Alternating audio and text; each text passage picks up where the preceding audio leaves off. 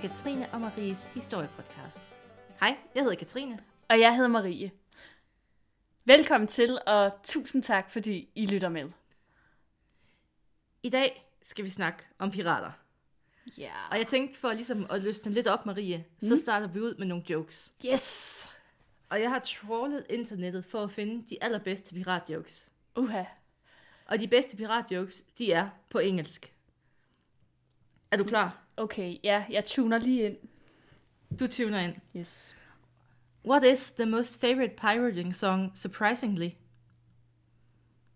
Don't Cry For Me, Argentina. Åh, oh, ja, det her det bliver godt, det kan jeg mærke. Har du flere? Jeg har flere. Ej, How do pirates communicate with each other? With an iPhone. But eye to eye is always best. Arr. Onkel jokes er det bedste i Ej, verden. onkel pirat jokes. Det, Og- det bliver ikke Og bedre. have en onkel, der er pirat. Det må være det optimale.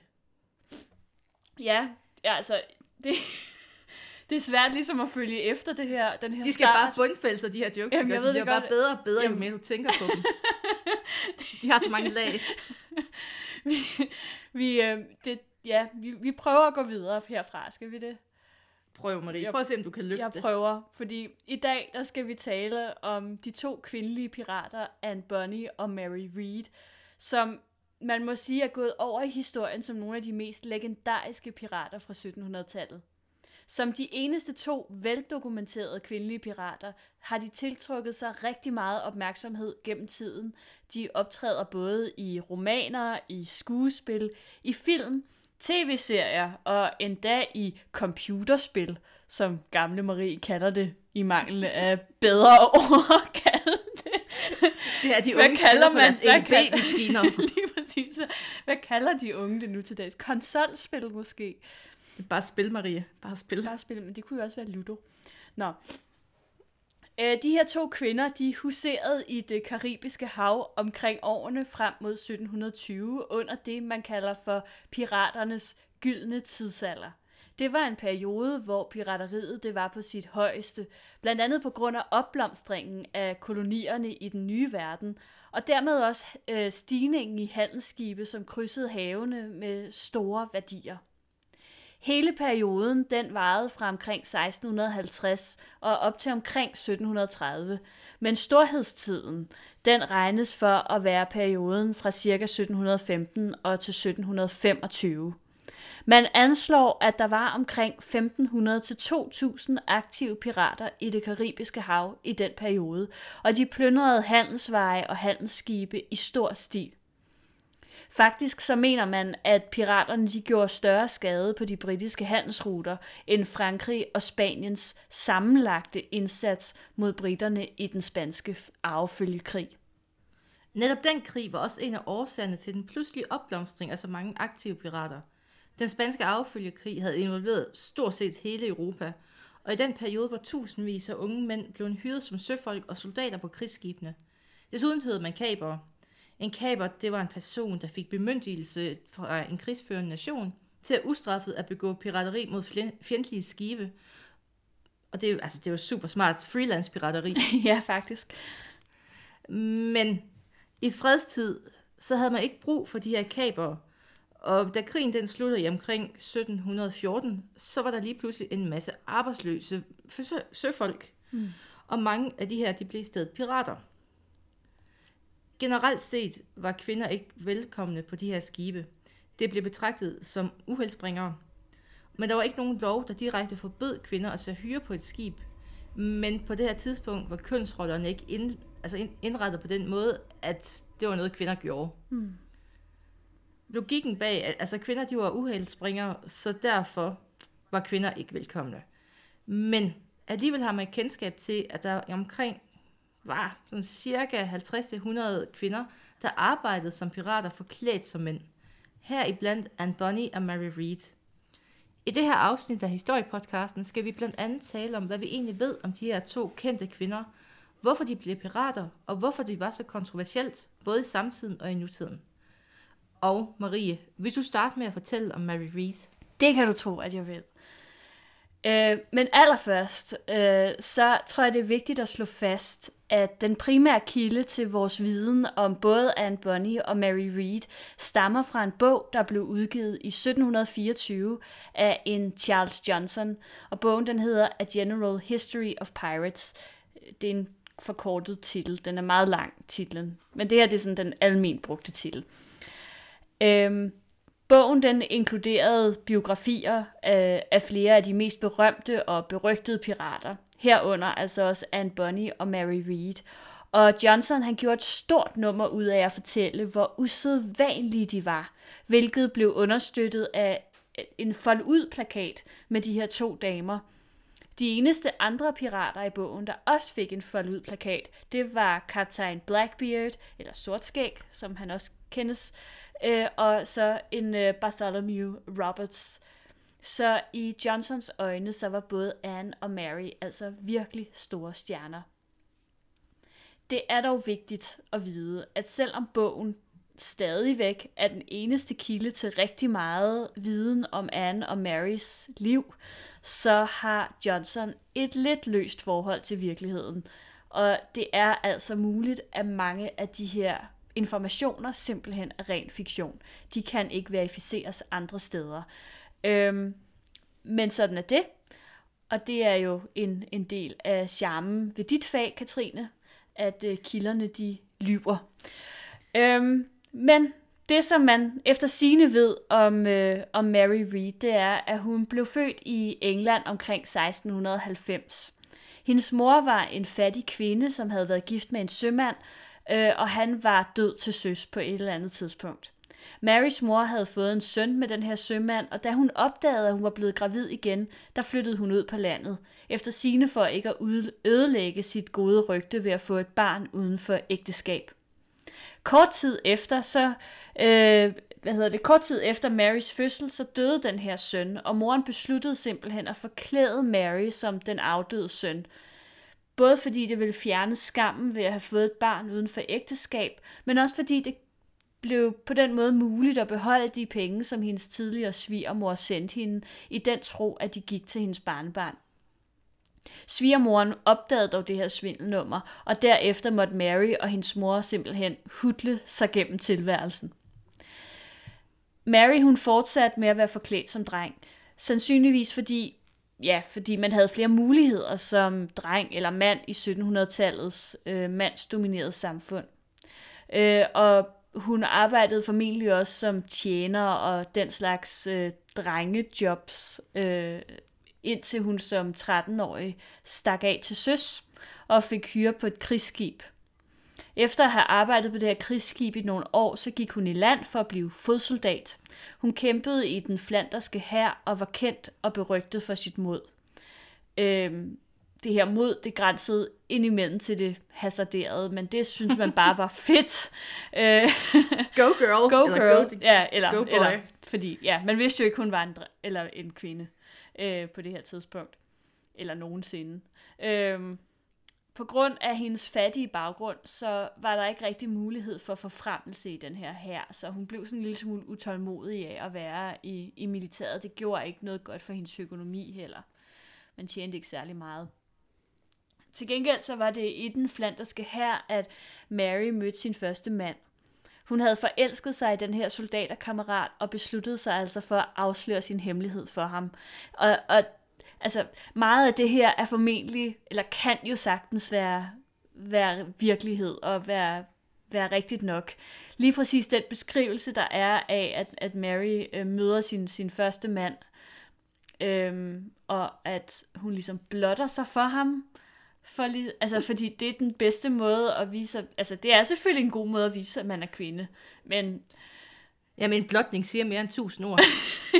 ja, tænker sådan, det kan godt være, at Johnson lige præcis der måske har digtet en lille smule. Men skidt nu med det, det er til synlandet sådan, Mary øhm, øh, ja, afslører sin hemmelighed for sin tilkommende ægte mand, og de forlader herren sammen og bliver gift og åbner et værtshus i byen Breda, som ligger i det nuværende Holland. Øh, og der lever de til synlandet lykkeligt øh, i nogle år, indtil at manden han desværre dør. øh, og pengene, som de har tjent sammen af en eller anden årsag, øh, bliver brugt op. Jeg ved ikke, hvorfor hun ikke kan tjene nogle flere, om man ikke har kunnet køre det her værtshus alene, eller hvad. Nå, det er en anden historie. Mary, hun indså, at hun altså måtte øh, forklæde sig som mand igen, for ligesom at rette op på sit liv. Fordi for fattige, enlige kvinder uden nogen uddannelse, så var der altså meget få muligheder for at ernære sig på det her tidspunkt. Ofte måtte de jo sælge sig selv, enten som tiggere eller som ammer, eller i værste fald som prostituerede. Øhm, som mand, der havde man altså lidt flere muligheder. Heraf var den bedste at stikke til søs, og det var præcis, hvad Mary hun gjorde. Hun fik hyre på et handelsskib, der skulle sejle til Vestindien.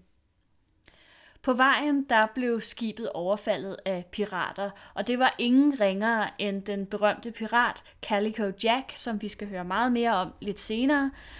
Øhm, og måske fordi hun var englænder, så fik Mary altså lov til at blive en del af besætningen, som også var englænder. Øh, Calico Jack var englænder. Øhm, og de gjorde det, inviterede hende ombord, øhm, selvfølgelig i den tro, at Mary hun var en mand. Og så er spørgsmålet jo selvfølgelig, hvordan Mary, som jo var på det her tidspunkt i hvert fald en relativt voksen kvinde, må vi gå ud fra, øh, det med kronologien i historien, det, det er jeg ikke sådan helt sikker på. Øhm, men spørgsmålet er jo, hvordan hun har kunnet bevare sin hemmelighed. Hun har været forklædt som mand, og der er ingen tvivl om, at det må have været en lille smule tricky ombord på sådan et skib. Øh, besætningen både levede og sov utrolig tæt sammen. Øh, toiletfaciliteterne har været ekstremt primitive, og i det hele taget har privatliv jo ikke været noget, som man havde, så længe man var til søs. Øhm, med sin manglende skægvækst og lysere stemme, så har Mary sikkert kunnet gå for at være en teenage-dreng. Piraternes tøj, det var generelt løst og poset, hvilket har hjulpet til at skjule hendes former, og stort set alle var alligevel langhårede, så det var ikke noget problem. Der er derudover kendskab til, at nogle kvinder de faktisk havde falske peniser eller rør, der hjalp dem til at stå op og tisse, og det har selvfølgelig også været en stor hjælp, hvis hun har haft det. en, en tislet. ja, sådan festival ting. Ja, det er smart. Øh, når det kom til menstruation, så er det meget muligt, at den hårde livsstil og dårlig ernæring har gjort, at den alligevel var meget irregulær eller måske helt forstoppet. Desuden så var sygdommen med blodig afføring ikke ualmindeligt på skibene, og ingen vil derfor formentlig stille spørgsmålstegn, hvis der var en lille smule blodpætter på, på bukserne. I øh, 1700-tallet så var kønsroller ret bundet op på ens opførsel og tøj. Selvom man selvfølgelig var bevidste om det biologiske køn, så var det at være mand eller kvinde noget, man lærte at være. Der er blandt andet nogle beskrivelser af, hvordan at, altså børn de blev jo klædt helt kønsneutralt, og de blev faktisk også lidt omtalt som sådan den, indtil de når en vis alder, hvor at de så kan begynde at lære øh, at være en dreng eller en pige. Det er ikke noget, man ligesom bliver opfostret til helt fra barns ben. Det, det er egentlig meget sjovt. Øhm, for Mary, der jo havde været forklædt som dreng nærmest siden sin fødsel, så har det ikke været noget problem at opføre sig som en mand. Hun har haft det her øh, lige fra barns ben. Senere vidneforklaringer beskrev Mary som aggressiv, brutal og kynisk. Typiske mandeegenskaber eller noget. Øhm, og hun var altid klar til at slås, og ligesom da hun var i hæren, så blev hun også på skibet kendt for sit hasarderede mod. Ved at være klædt i mandetøj, opføre sig som en mand og udføre en mands arbejde, jamen så var der for hendes ja, soldaterkammerater eller besætningskammerater ingen tvivl om, at hun var en mand. Og sådan var det bare. Og øhm, Katrine, hvordan var det så med den anden kvinde? Fordi hun har en lille, lidt anderledes historie. Først vil jeg lige sige, det er jo, Mary var ikke alene på båden. Nej. Mary havde faktisk en skjult veninde Det havde ved hun. navn Anne. Anne, hun var kom på båden af en lidt anden vej end Mary. Det hele starter helt tilbage i Irland. Hendes far hed William Cormack. Han var en prominent irsk advokat. Han havde været gift i to år, inden hans kone fødte ham sit første barn. fødslen den var meget traumatisk, så derfor bliver hun sendt ud til hans mor, for hun kan gå og komme sig lidt. Men fordi mænd selvfølgelig ikke selv kan passe et hus, så skulle der hives en husholderske ind. Husholdersken, hun hed Peg Brennan. Og så, skete, så gik det jo hverken værre eller bedre, at de forelskede sig hinanden, altså William og Peg. Mm. Og det går jo. Det er en meget ulykkelig historie. Konen, hun kommer jo hjem igen, og hun finder ud af det. Så hun begynder at planlægge sin hævn, og hun slår sig sammen med sin svigermor, altså Williams mor. Og de starter med at sige, jamen så fordi han er sådan et amoralsk menneske, så har han ikke adgang til familiens penge længere. Og så er vi af med, altså så er han ligesom sat i band, mm. og så skal man af med Pæk. Og så siger de, at hun stjæler sølvtøjet. Mm. og så som man jo gør. Som man nu gør. Og så bliver hun slæbt i retten, men hun slipper faktisk for at blive dømt. Hun er nemlig gravid på det her tidspunkt ah. med William. Altså, ja, han er faren til ja. barnet. Ja. Han er faren til barnet. Og fordi hun er gravid, kan man ikke sætte hende i fængsel. Og så føder hun an den 8. marts 1702. Åh, oh, sikkert dog en velvalgt dato. Mega velvalgt dato. Kort tid efter, så føder Williams rigtige kone tvillinger. Og William, han er lidt loren ved det her, for hun har lige brugt rigtig meget tid hjemme hos hans mor. så han, så han, han er lidt i tvivl, om det er hans tvillinger, det her. Mm.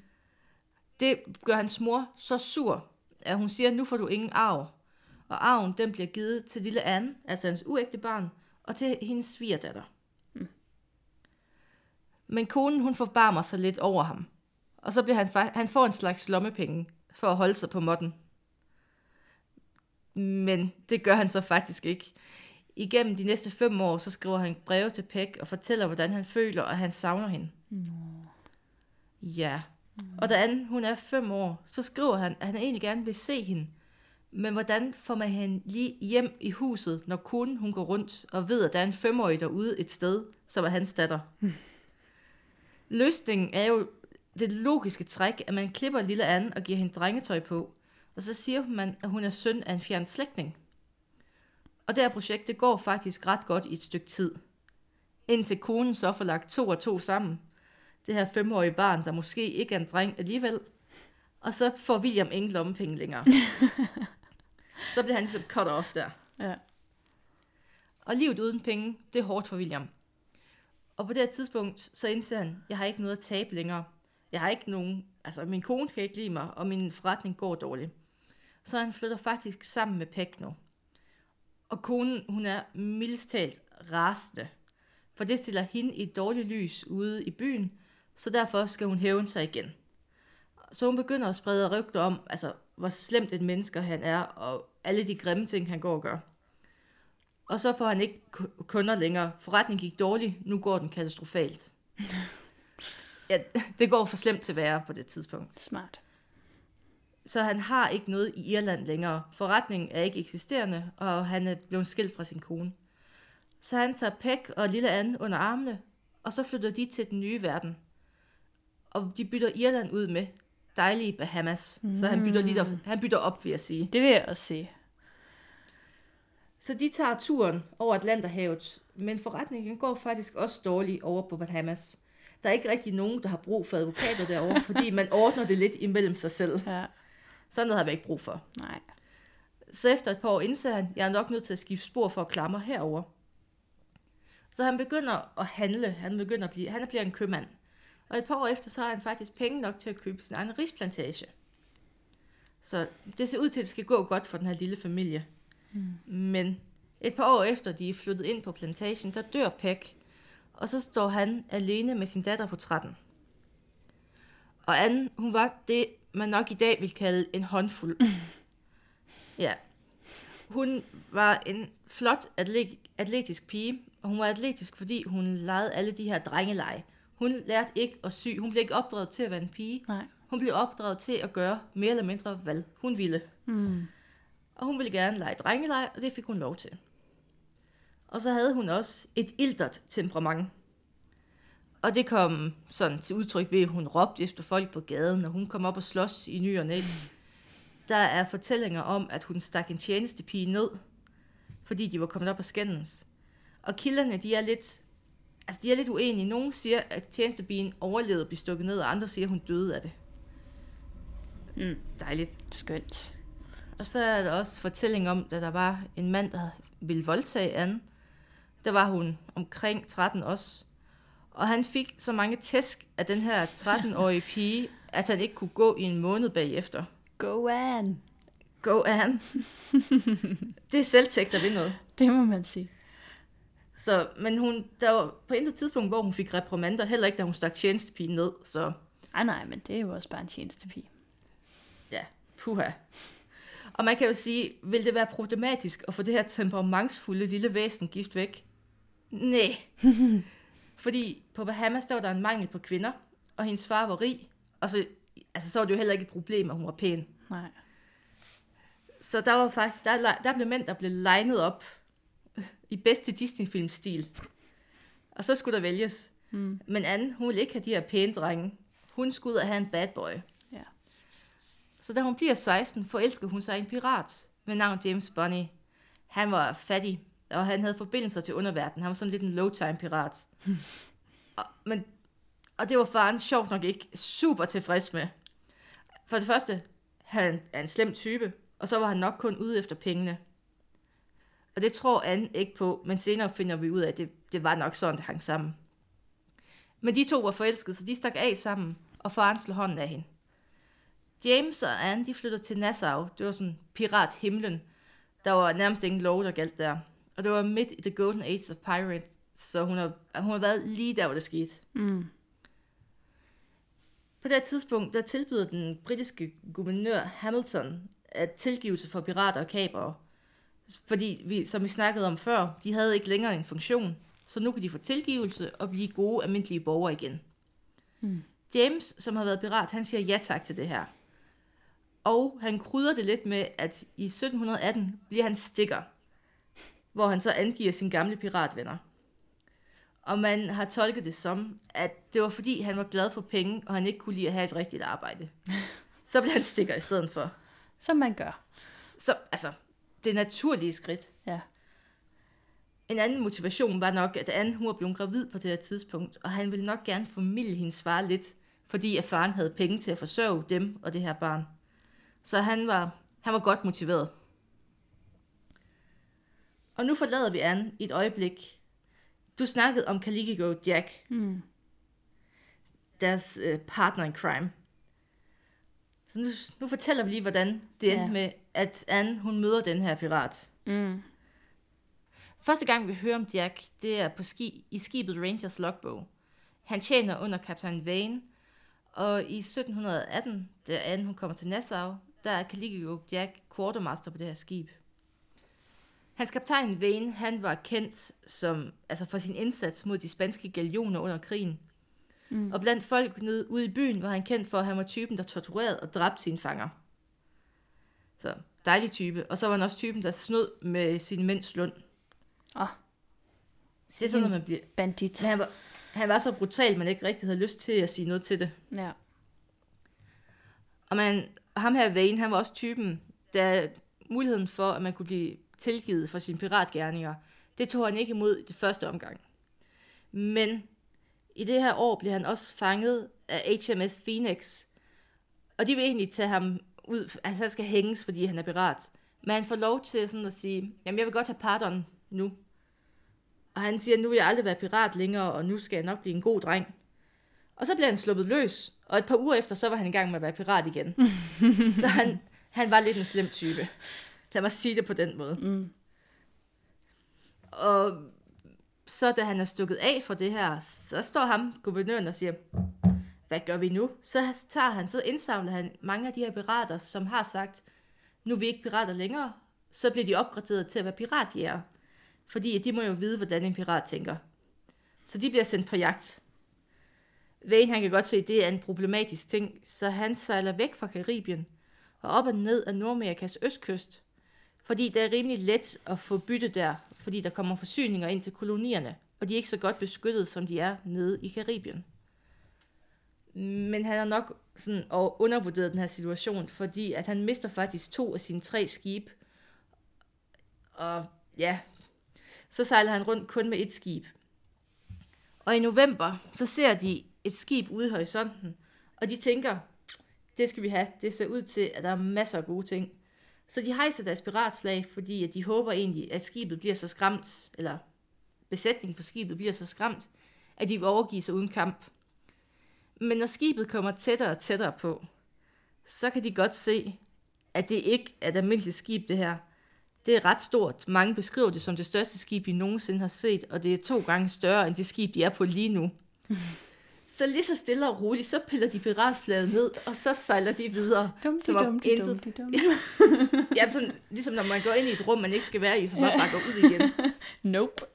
Nøp, det er den, de laver. Men Caligula Jack, quartermasteren, han er imod det her. Fordi han vil jo gerne have det her store skib, der sejler. Man havde tradition med, at man byttede op. Altså, man havde et dårligere skib, så gik man ud og stjal et bedre skib Mm. på piratmåden.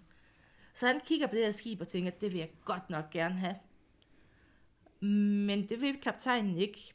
Så har vi ligesom to meninger.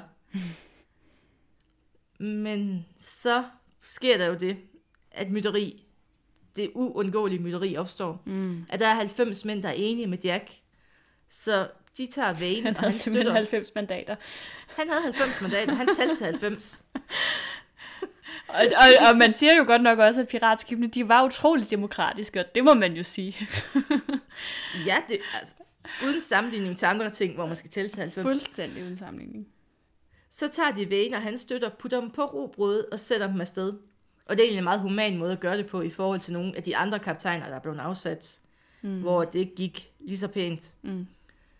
Og nu er Caligula Jack kaptajn for det her skib. Nu er han blevet, kap, nu er han blevet piratkaptajn. Mm. Han starter karrieren ved at sejle tilbage til Karibien. Og der tuller de lidt rundt i et års tid. Det, de sejler rundt i cirka to måneder ad gangen og tager hjem til Karibien og Cuba, eller til Cuba. Og det er der, hvor mange af dem de har deres familier, deres uægte familier. Og det har han også. Mm. En dag, hvor de sidder på Cuba, så kan de se et spansk skib. Og det her spanske skib, det er altså ude for at fange dem. De har lavet sådan, de er ikke store pirater, men de har været nok til at irritere spanierne. Og det her spanske skib, de var faktisk på vej hjem. De havde allerede fanget en piratsbåd, og den havde de med på slæb for at få det hjem. Og nu sidder de efter Jack og hans venner.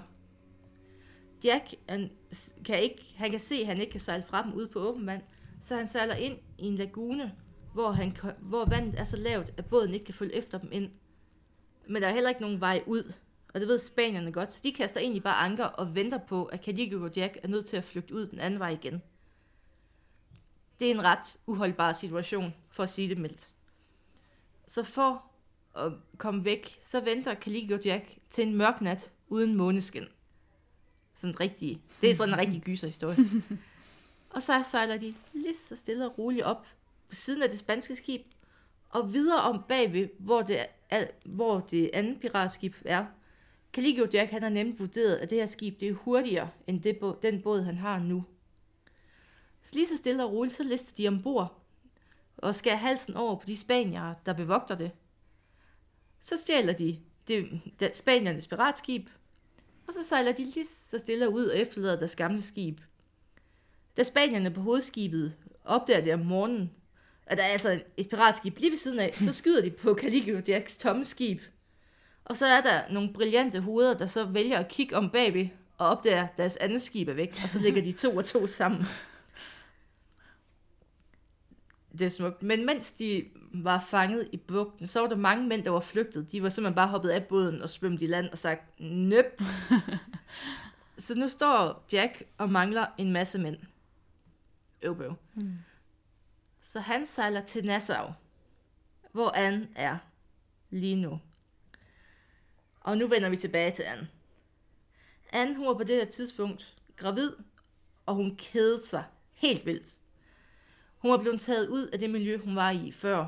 Altså plantagemiljøet, det gav hende jo et eller andet socialt holdepunkt, hvor man havde tjenestepiger, man kunne stikke ned og folk at snakke med. Overfaldsmænd og slå. Ja, men der var så mange sjove ting, man kunne. Ja. Så for at udfylde det her tomrum, så er hun begyndt at gå på pop. Typisk gear. Ja, altså det er Irnes løsning på alt. Og her møder hun Jack. Og der opstår sød, sød musik. Hun forelsker sig. Altså, han er jo endnu mere bad boy end James, der sidder derhjemme og bare stikker. Mm. Altså, nu har hun en ægte piratkaptajn, der mm. faktisk laver noget. Ja. Så hun kan, altså, hun kan næsten ikke holde sig tilbage. Så hun føder sit barn. Hun efterlader barnet hos, hos James, og så tager hun afsted og bliver pirat. Hej, hej. Hej, hej. Jeg kunne godt tænke mig at se, hvordan det egentlig er foregået. Ja, Det er en forestiller mig sådan lidt paf James, der bare sidder med sådan en baby. Nå, hej. Og han får ikke engang plantagepenge. Nej, Stakkels James. ja, han trak nitten. Og så tager hun afsted klædt ud som mand. Og der går cirka to måneder på det her skib. Og så er hun gravid igen. Og faren, det kan lige gå Jack. Det er han ikke så begejstret for. Fordi han vil egentlig bare have en elskerinde. Og han vil ikke være far. Så Det skulle Skæv. han have tænkt på inden. det skulle jeg lige til at sige. Altså, nu er han lige stram op. Ja. Planen bliver så, at han smider anden af hos Cuba-familien, hans anden uægte familie, og så vil han samle hende op igen, når hun har født og komme sig over det. Jep.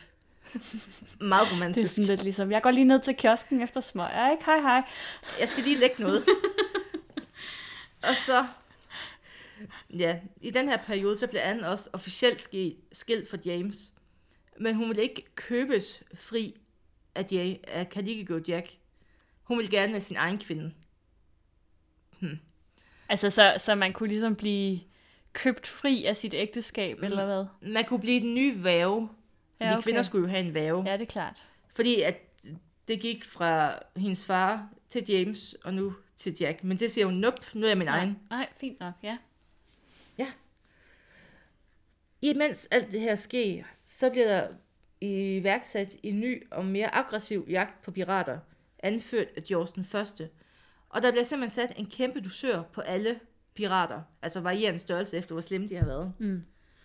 Og det er jo bare, altså det er jo som sirup for de her dusørjæger, de skal ud og have nogle penge nu. Og Caligula Jack, han står lidt og siger, måske skulle vi omlægge vores forretning, i stedet for at være pirater, skal vi jage pirater. Der er måske lidt flere penge i det. Fordi selvom de, altså de var semi-kendte, men der var ikke så mange penge i deres pirateri, det var småplønerier for det meste, Mm.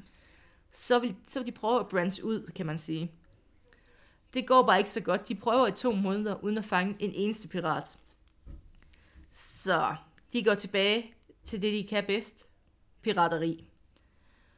Og det er efter, de er gået tilbage til pirateriet, at de stod på båden fra England, hvor den kære Mary var. Mm. Ja. Ja. Og øhm, ja, som, som jeg fortalte tidligere, så bliver Mary jo øh, en del af besætningen. I den tro selvfølgelig, at hun er en mand.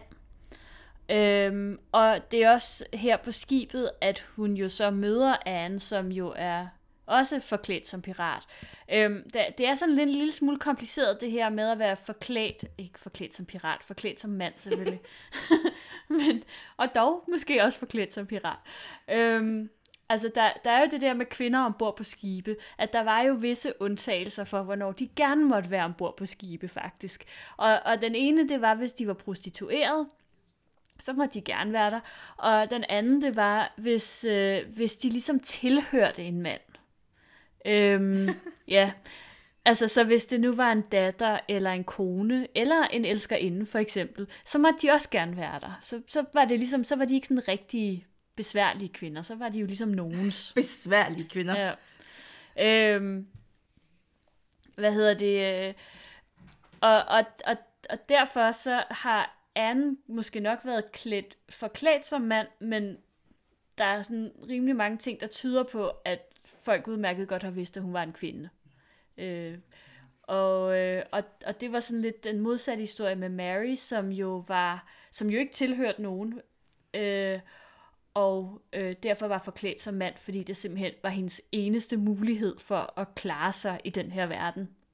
Hvordan de to præcis mødtes på skibet, og hvordan de blev klar over hinandens hemmelighed, hvis man kan sige det sådan, det er sådan en, en lidt uklar historie, og der er det igen ham her, Johnson fra 1724 uh, øh, A General History, uh, og det er igen en af de der historier, hvor man er sådan lidt, er det nu også helt rigtigt?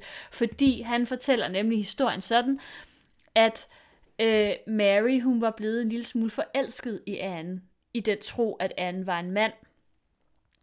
Uh, så, så det er så en version, hvor at Anne, hun hvor at folk ikke ved, at Anne er en kvinde. Og, ej, det er utroligt kompliceret, det der. Nå, øhm, og da de så på et tidspunkt kommer i indrum med hinanden, så tilstår Mary sine følelser over for Anne og blotter sig. Det har vi jo allerede lært en gang i Johnsons øh, bog, at det er måden, man afslører, øh, hvem man er på. Tada! Præcis. Øh, og øh, så kunne Anne jo se, at Mary i virkeligheden var en kvinde, og de kunne jo så indlede et forhold, hvis det nu var sådan, at Anne, også havde, eller Anne havde været en mand. Anne, hun blev jo forståeligt nok en lille smule overrasket, fordi hun var jo en kvinde, og hun blottede sig så også for Mary. Øhm, Oddsene er altså fantastiske. Ja, men det, det må man sige. Jeg elsker også, de løser problemet ved at blotte sig. Ja, det er, det er måden at løse problemer på i, i, for kvinder i, i piratverdenen åbenbart. Øhm, og det skulle ifølge Johnson altså være måden, øh, de øh, ja, indvidede hinanden i deres hemmelighed på. Men altså, der er ret meget, der peger på, at lige præcis den her historie, den nok snarere afspejler eftertidens syn på kvinderne end virkeligheden. Som sagt, så er der nogle ting, der peger på, at, at, øh, at, at folk allerede har vidst på forhånd, at Anne hun var en, en kvinde, da hun kom ombord på skibet. Øhm, på et eller andet tidspunkt, så må man også gå ud fra, at både Anne og Mary har afsløret over for besætningen, at de var kvinder. Øhm, som sagt er det muligt, at man hele tiden har vidst, at Anne var en kvinde. Hun var jo trods alt kæreste med kaptajnen. Men ifølge vidneforklaringer fra den senere retssag, så optrådte de to kvinder også med blottede bryster i kamp. Det er jo sådan... Så det er jo mega usikkert. For, det er ja. jo træski. Prøv splinter. jeg tænker over det. Ej, det, det holder ikke en meter. Um, ham her Johnson, han har bare været... Altså, men okay, de her, det her vidneforklaring er jo faktisk fra retssagen. Det er jo ikke engang Johnson og hans brystfixering. øhm, derudover så er der også to franske søfolk, som har fortalt, hvordan både Anne Bonny og Mary Reed, de var iført kjoler ved festlige lejligheder på skibet. Øhm, og det kan man jo sige, det har de nok ikke gjort, medmindre at folk ligesom har vidst, at de var kvinder. Det har nok været underligt. Ja, så et, Anne, hun har nok været, altså man har nok vidst, at Anne var en kvinde fra starten af, og så på et eller andet tidspunkt er Mary, enten har hun afsløret sig selv, eller så er hun blevet afsløret på skibet. Og af en eller anden årsag, så har det til synligheden ikke rigtig haft nogen konsekvenser for dem.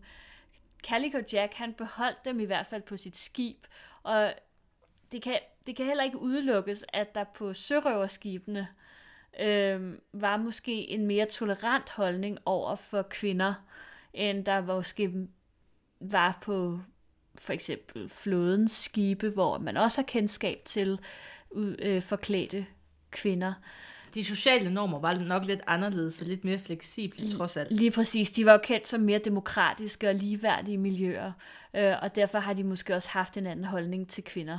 Øh, og, og igen det der med, at altså, hvis de har kunnet opføre sig som mænd, og de har kunnet udføre en mands arbejde, ja, yeah, så var der måske ikke rigtig nogen problemer.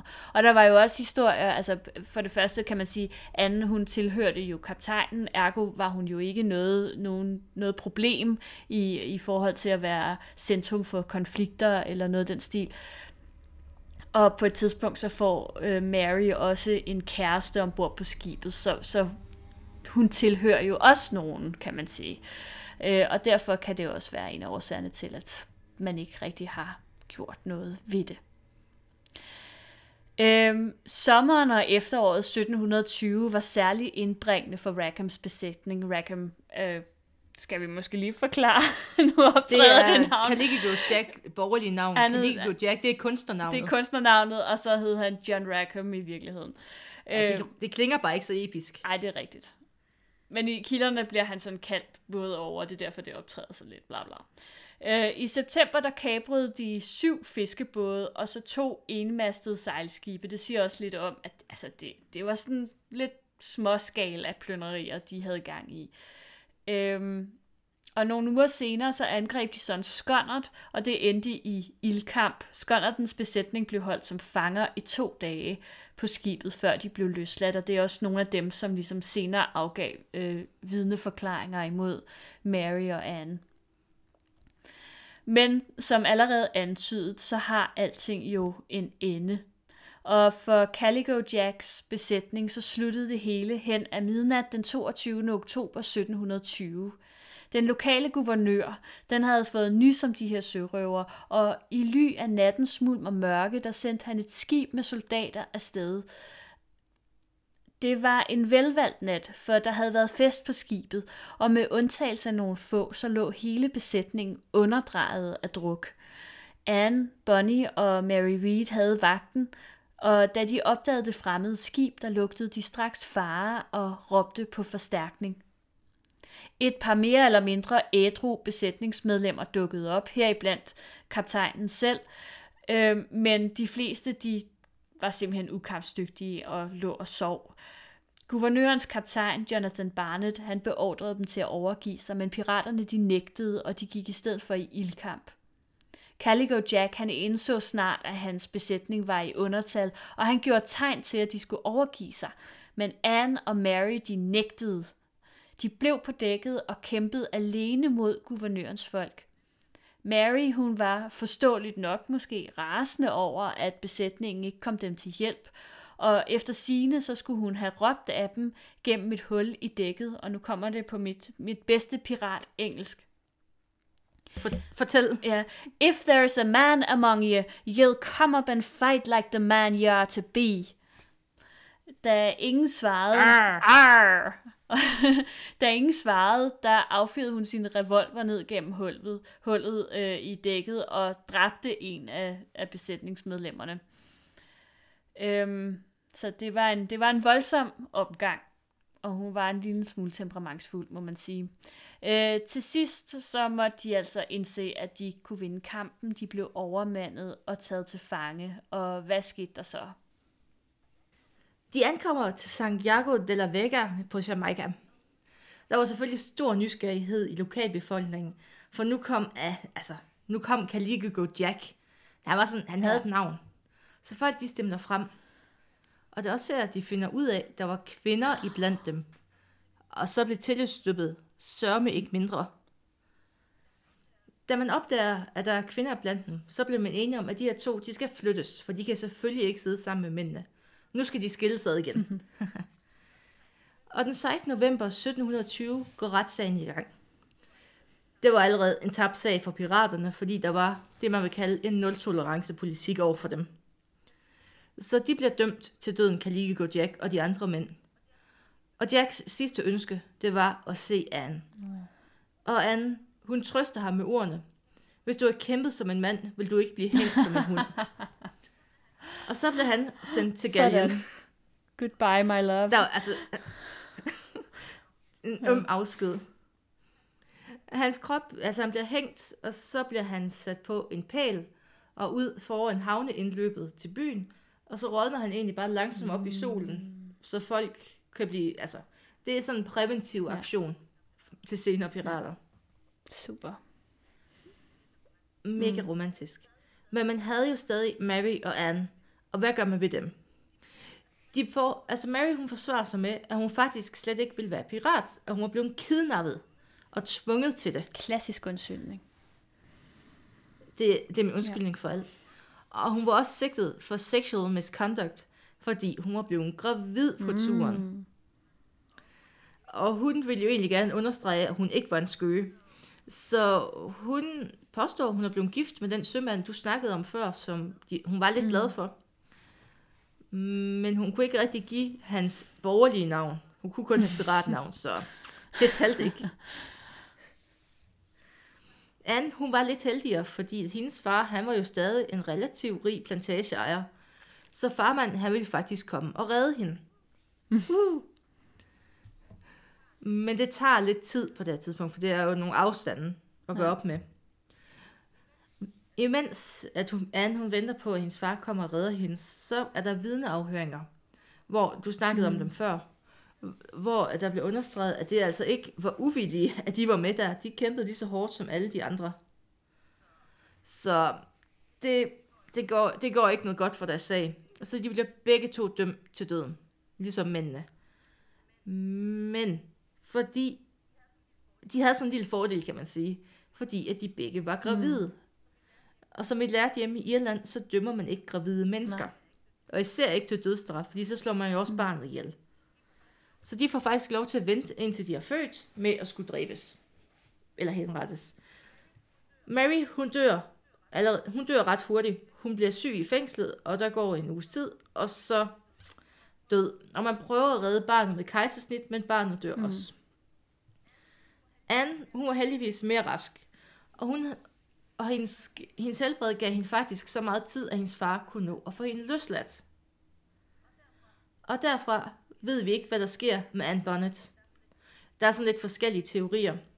Der er nogen, der påstår, at hun tog tilbage til James, altså manden, hun forlod hjemme i Nassau med barnet. Det, det er sådan lidt urealistisk, for de var ja. blevet skilt. Og, altså, jeg tror også, den er svær at komme hjem til på en eller anden måde. Han, han havde været en sokker, ja. hvis han gjorde det. Så er der nogen, der påstår, at hun tog ud og blev pirat igen, tog nyt mandetøj på og sejlede ud i mm. solnedgangen. Og det virker også lidt urealistisk, for hun gjorde det jo egentlig for Jack, og fascinationen af Jack. Ja. Så altså, det kan jo være, at hun har fået smag for livet, men jeg tror, man er blevet skræmt, efter man har været dømt mm. til døden. Og så er der også nogen, og det her fandt jeg på en fantastisk hjemmeside. Øh, der er nogen, der påstår, at de er efterkommere af Anne, og hun egentlig tog hjem til, til gården, og hun slog sig til ro med en ældre mand og fik 10 børn. Og der så findes en flok rødhårede mennesker, der er direkte efterkommere yes, af hende. selvfølgelig. Og det, det, ja, det er sådan lidt romanop-agtigt, at dem, man er Sarens ja. sidste. De, de, de hemmelige efterkommere. De hemmelige ja. efterkommere. Så det er slutningen på fortællingen om Mary ja. og Anne Bonnet. En af, en af de ting, der interesserer mig ved det her emne, det er, hvordan Anne Bonny og Mary Read blev opfattet i samtiden, og hvordan det faktisk også har påvirket nutidens syn på kvindelige pirater. I 1700-tallet der var kvinder i mandetøj en tanke, der chokerede og forarvede samfundet. Det betød jo en forstyrrelse af den sociale orden og de etablerede kønsrollemønstre.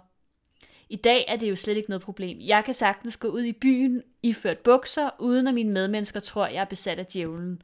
Så vidt jeg ved i hvert fald. Men... nej. nej, de råber det altid ja. efter Marie. Men i 1700-tallet, der var ens beklædning i langt højere grad en markør, ikke bare af køn, men også af status og social rang.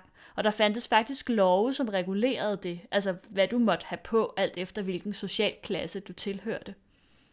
En kvinde i mandetøj, det var en rystende afvielse fra normen, og det er den sammenhæng, man skal stå, forstå forarvelsen, og uden tvivl også den medfølgende seksualisering af Anne Bonny og Mary Read.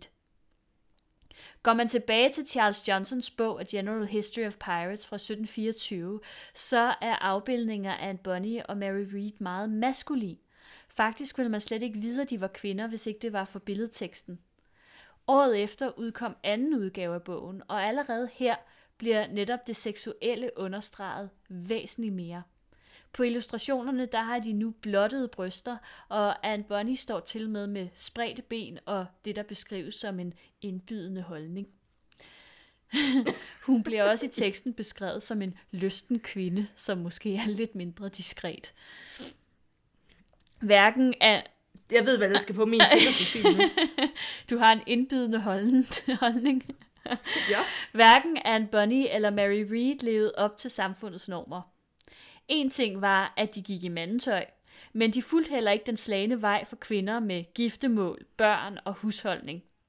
Anne Bonny hun havde endda forladt sin ægte mand til fordel for en elsker, og hun havde født elskeren et barn, mens hun stadig var gift, hvilket var nogenlunde det værste, man kunne gøre som kvinde – Kvinder, de skulle være underlegne, de skulle være lydige og dydige. De skulle simpelthen undertrykke deres behov. Anne Bonny og Mary Read var på mange måder udtryk for præcis det modsatte. Og bryder man med samfundsnormerne i forhold til for eksempel kønsrollemønstre, så gør man det garanteret også med sin seksualitet. Var logikken dengang i hvert fald. Og måske også i dag, det kan man jo diskutere. Især øh, Anne Bonny bliver fremstillet som en kvinde med mange seksuelle partnere, og selvom dette umiskendeligt var et feminint træk, så, øh, altså, fordi man mente nemlig dengang, at øh, kvinder de havde en mere utæmmet seksualdrift end mænd, og, der, og den skulle kvinden lære at undertrykke. Og hvis hun ikke kunne det, så sank hun simpelthen ned til det nederste trin i det kønslige og sociale hierarki. Og derfor så er Anne Bonny altså blevet set som sådan, nærmest hun er jo blevet sådan en helt demoniseret kvindefigur næsten. Samtidig er der også sådan lidt en, der er sådan lidt en luder Madonna over det, ikke? Fordi øh, at på den ene side, så bliver hun jo også sådan, ja, hvad skal man sige? Ej, det er måske mere Mary, som er, som er Madonnaen, som er den her dydige, kyske, gifte kvinde, som jo mod sin vilje, øh, i hvert fald øh, ifølge nogle kilder, bliver, kommer ombord på skibet, at det var ligesom hendes eneste mulighed for at avancere i samfundet over for Anne, som er den her promiskuøse vildkat, som bare gør præcis, hvad hun har lyst til. Og, Tal pænt om Anne. ja, Bare fordi, at man har født et par børn og efterladt dem forskellige steder, er ikke ens betydning med. Men, men altså, det læste jeg faktisk et sted, lige præcis det der med at få efterlade sine børn. Altså, det var faktisk en, en, en relativt sympatisk måde jo at skaffe sig af med de her uønskede børn på. At, øh, at, at hun har måske ikke haft andre muligheder end enten at efterlade dem et sted, hvor at hun trods alt vidste, nogen ville tage sig af dem, eller slå dem ihjel. Og, øh, og der har hun jo så trods alt valgt den, øh, den hvad skal man sige, ja, den mest omsorgsfulde måde, at, at, at hun jo så i, ifølge samfundsnormerne jo bliver betragtet som en ravnemor. Der, det er jo så en anden sag. Omvendt så kan man jo sige, at i moderne tid, der har man i langt højere grad fremhævet Anne Bonny og Mary Read som et udslag af tidlig feminisme gennem deres opgør med de her etablerede øh, kønsrollemønstre og det mandsdominerede samfund, som der var i, i 1700-tallet. Kvinderne, de udtrykte ikke noget behov for at være mænd. Altså, der var ikke sådan tale om decideret sådan transkønnethed eller, eller den øh, stil. Øh, de vil gerne opnå en social identitet som mand, for at få de privilegier, det medførte. Altså bedre muligheder, bedre økonomi, og i sidste ende også et bedre liv. Og øh, med de ord, så slutter dagens program om Anne Bonny og Mary Read. Tusind tak, fordi I lyttede med, og øh, vi høres ved snarest. Arr.